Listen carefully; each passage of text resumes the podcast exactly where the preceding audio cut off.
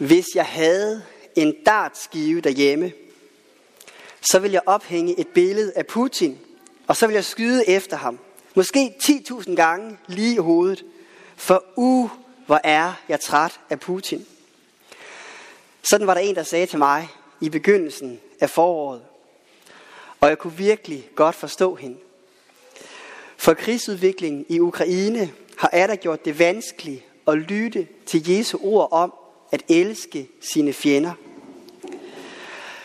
Det er ikke fordi, jeg sådan decideret ville fraråde hende, fraråde hende at kaste med dartpil efter et billede. Der kunne sagtens være meget mere skadelige måder at komme af med sin, med sin vrede på. Men hendes ærlige udspil gav os en meget fin samtale om forskellen mellem at elske sin fjende og så at hade den ondskab, de begår. Når vi er i krig, og der er krig i verden, så er der sjældent nogle nemme og enkle svar. Og i fjendskab er der bare så mange små skridt på en rigtig lang vej. Et lille skridt, der nogle gange bare kan være et håndtryk eller en hilsen med øjnene. Men før vi tager flere skridt, så skal vi nu rejse os og lytte til Jesu ord fra bjergprædikenen. For dette hellige evangelium skriver evangelisten Matthæus.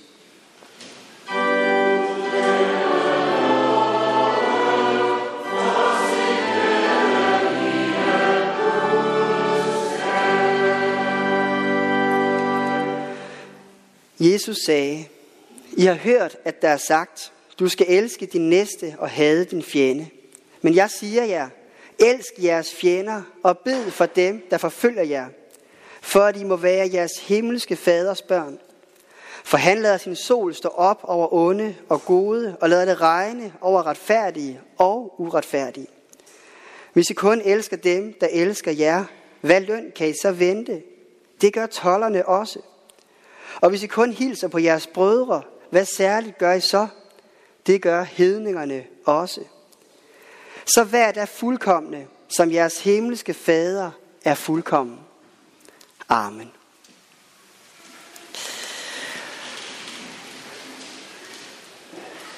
Der er en interessant spænding i Jesu ord mellem noget, der er ekstremt radikalt, og noget, der er meget lavpraktisk. En spænding, der gør, at det store radikale bud kan få lov til at blive stående som det øverste ideal, samtidig med, at vi kan øve os i den simple praktik med bare et lille skridt af vejen. Lidt ligesom, at man kun bestiger et stort bjerg ved at tage et skridt eller et tråd i pedalerne, nu vi er i Tour de France. Først om det radikale bud. Elsk jeres fjender og bed for dem, der forfølger jer. Elsk en og elsk dem til det aller yderste. For dermed kommer vi til at ligne Gud. Den Gud, vi tilhører, og den Gud, vi ønsker at følge. Gud viste nemlig selv den ultimative fjendekærlighed. Og det gør han hver morgen i sin skabelses gavmildhed, når han lader solen stå op.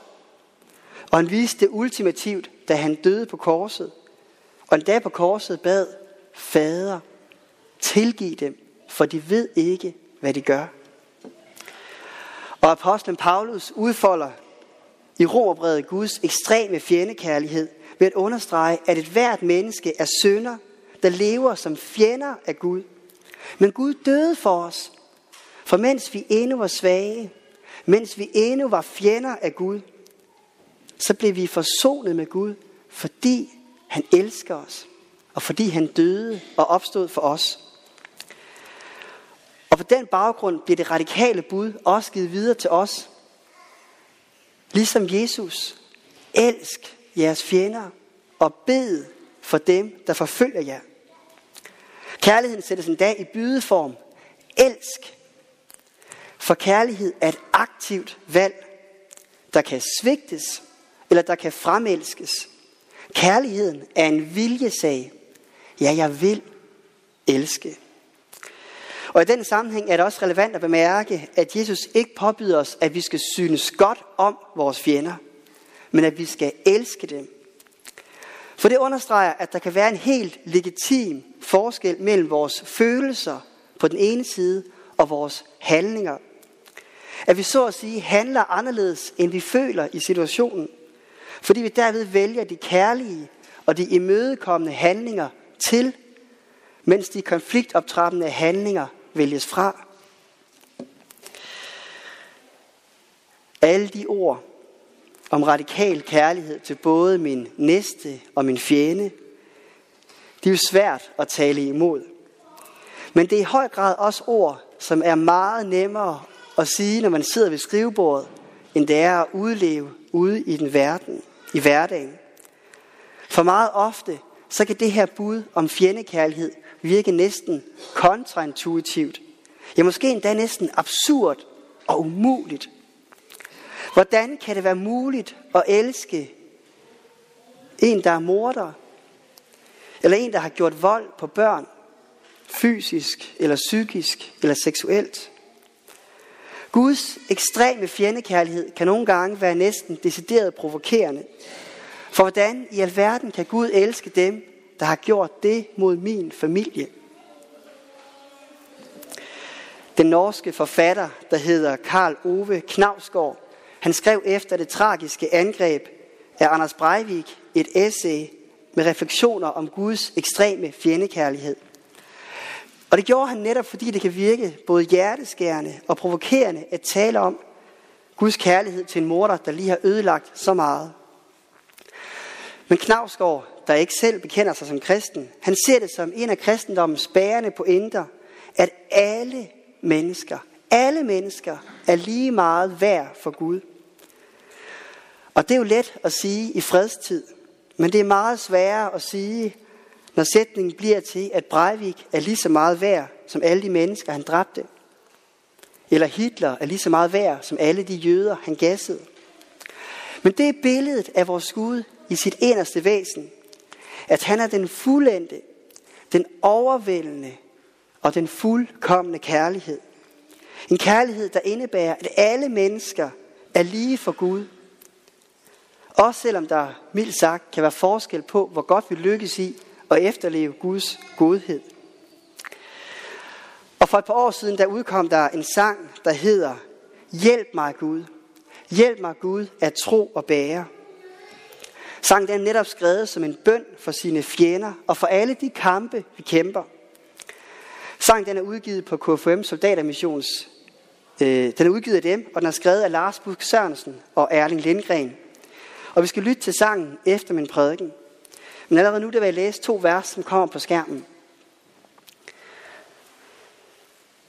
Måske skal du lige tænde og slukke. Yes. Lad den kamp, vi dagligt kæmper, fremme din retfærdighed. Så hver skridt på vejen dæmper frygt og had og bringer fred. Og lær mig Gud, at også fjender har et ansigt og et hjem.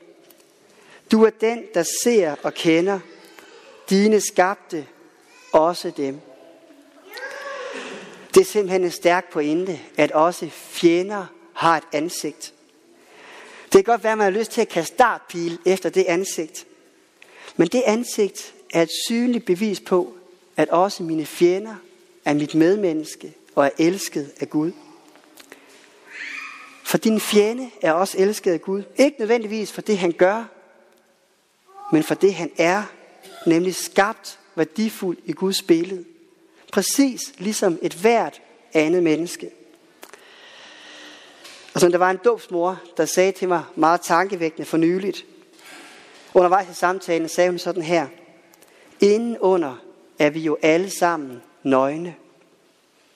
Inden under vores tøj, inden under vores handlinger, vores etnicitet, der er vi alle nøgne mennesker, der er skabt til kærlighed. Indenunder er vi jo alle sammen nøgne, og min fjende har et ansigt og et hjem. Det er stærke billeder, der udfolder, at vi alle sammen længes efter, at der er nogen, der elsker os. Simpelthen fordi mennesker går i stykker uden kærlighed. Vi har brug for, at der er nogen, der elsker os. Og dermed er vi fremme ved Jesu lavpraktiske eksempel på fjernekærlighed. Nemlig noget så detaljeorienteret som hvem vi hilser på. For Jesu pointe det er, at kærligheden til fjenderne, den fordrer en lang række meget hverdagsagtige og små valg. Til at hilse, til at invitere på en kop kaffe, til at tilbyde et lift og meget andet. For alle de her små valg er sammenlagt med til at gøre en kæmpe forskel. For man bestiger jo som sagt kun et bjerg ved at tage en lang række små skridt.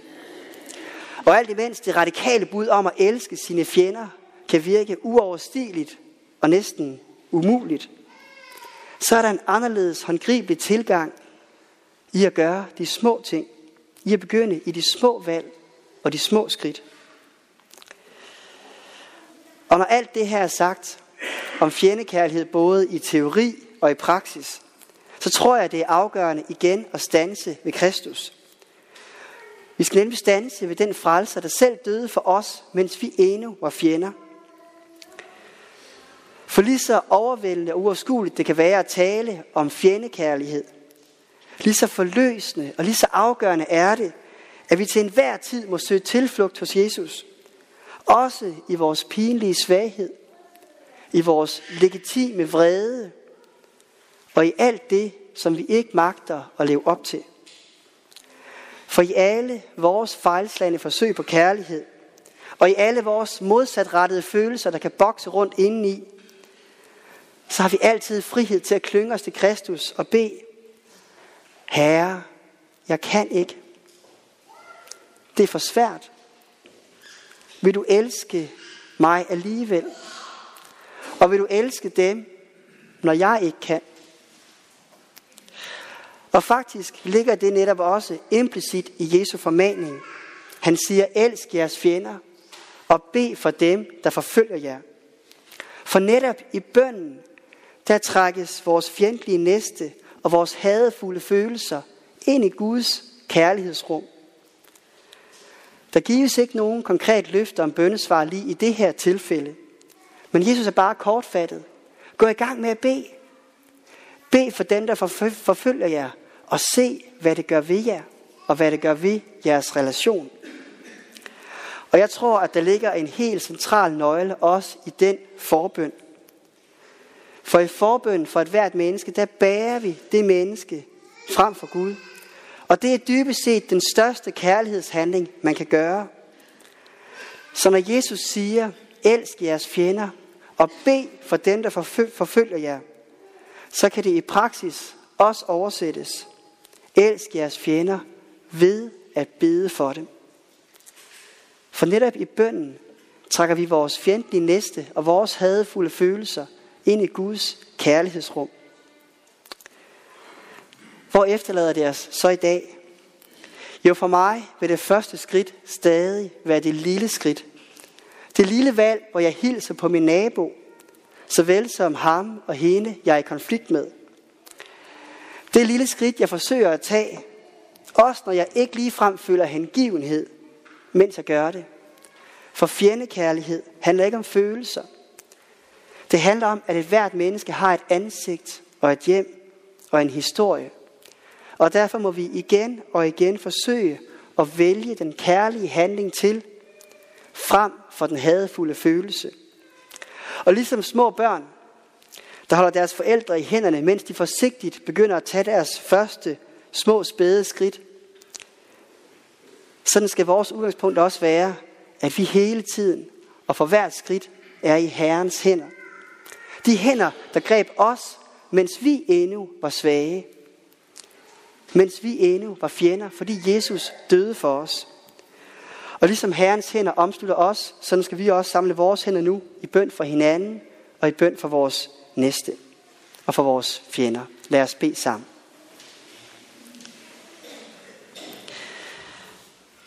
Herre, vi beder for alle vores medmennesker. Vi beder for dem, der er vores fjender. Vi beder for dem, vi føler had til. Og vi beder for dem, der forfølger os. Her vi beder for dem, vi er uenige med. Og vi beder for dem, der er anderledes end os. Vi beder for dem, der er fanget i spiraler af ondskab og vold. Og vi beder for dem, der har fået livet fuldstændig galt i halsen. Herre, vi beder, at du vil omslutte dem alle i din barmhjertighed og i dit hellige nærvær. Og vi beder, at du også vil omslutte alle dem, som vi med skam må erkende, at vi ikke selv kan rumme.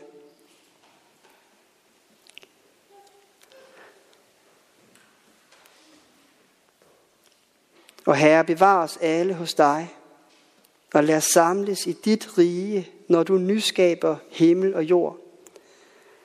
Og indtil da beder vi, led os frelser ved din nåde, også når vi selv vil råde og vil gå vores egen vej. Sæt os, hvor vi bedst kan gavne, men lad os aldrig savne vidshed, at vi tjener dig. Og vi giver dig tak og evig ære, Herre vor Gud, du som er fader, søn og helligånd, du som var, er og bliver en sand treenig Gud, højt lovet fra første begyndelse, nu og i al evighed. Amen. Og så må jeg gerne rejse jer og lade os med apostlene tilønske hinanden. Hvor Herre Jesu Kristi nåde, Guds kærlighed og Helligåndens fællesskab være med os alle. Amen. Og nu skal vi lytte til den sang, der hedder Lyt, hjælp mig Gud at tro og bære fra Soldatermissionens udgivelse. Teksten kommer på skærmen imens.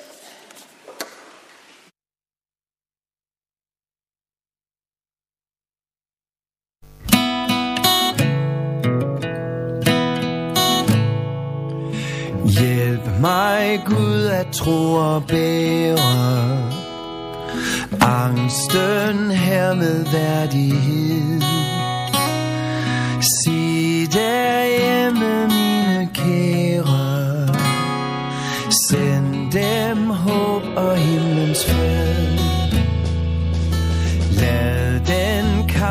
kamp vi daglig kæmper. Fremme din retfærdighed. Så hvert skridt på vejen dæmper. Frygt og had og bringer fred.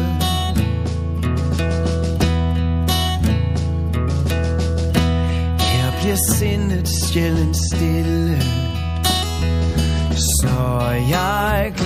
Tid og sted. Først når angsten gør mig lille. Husker jeg din kærlighed. Følg mig med dit faderøje På min farvefulde vej. Og hvad jeg end må se og døje. Bøj dit ansigt over mig. Lær mig Gud at også fjender Har et ansigt og et hjem. Du er den der ser og kender Dine skabte også dem.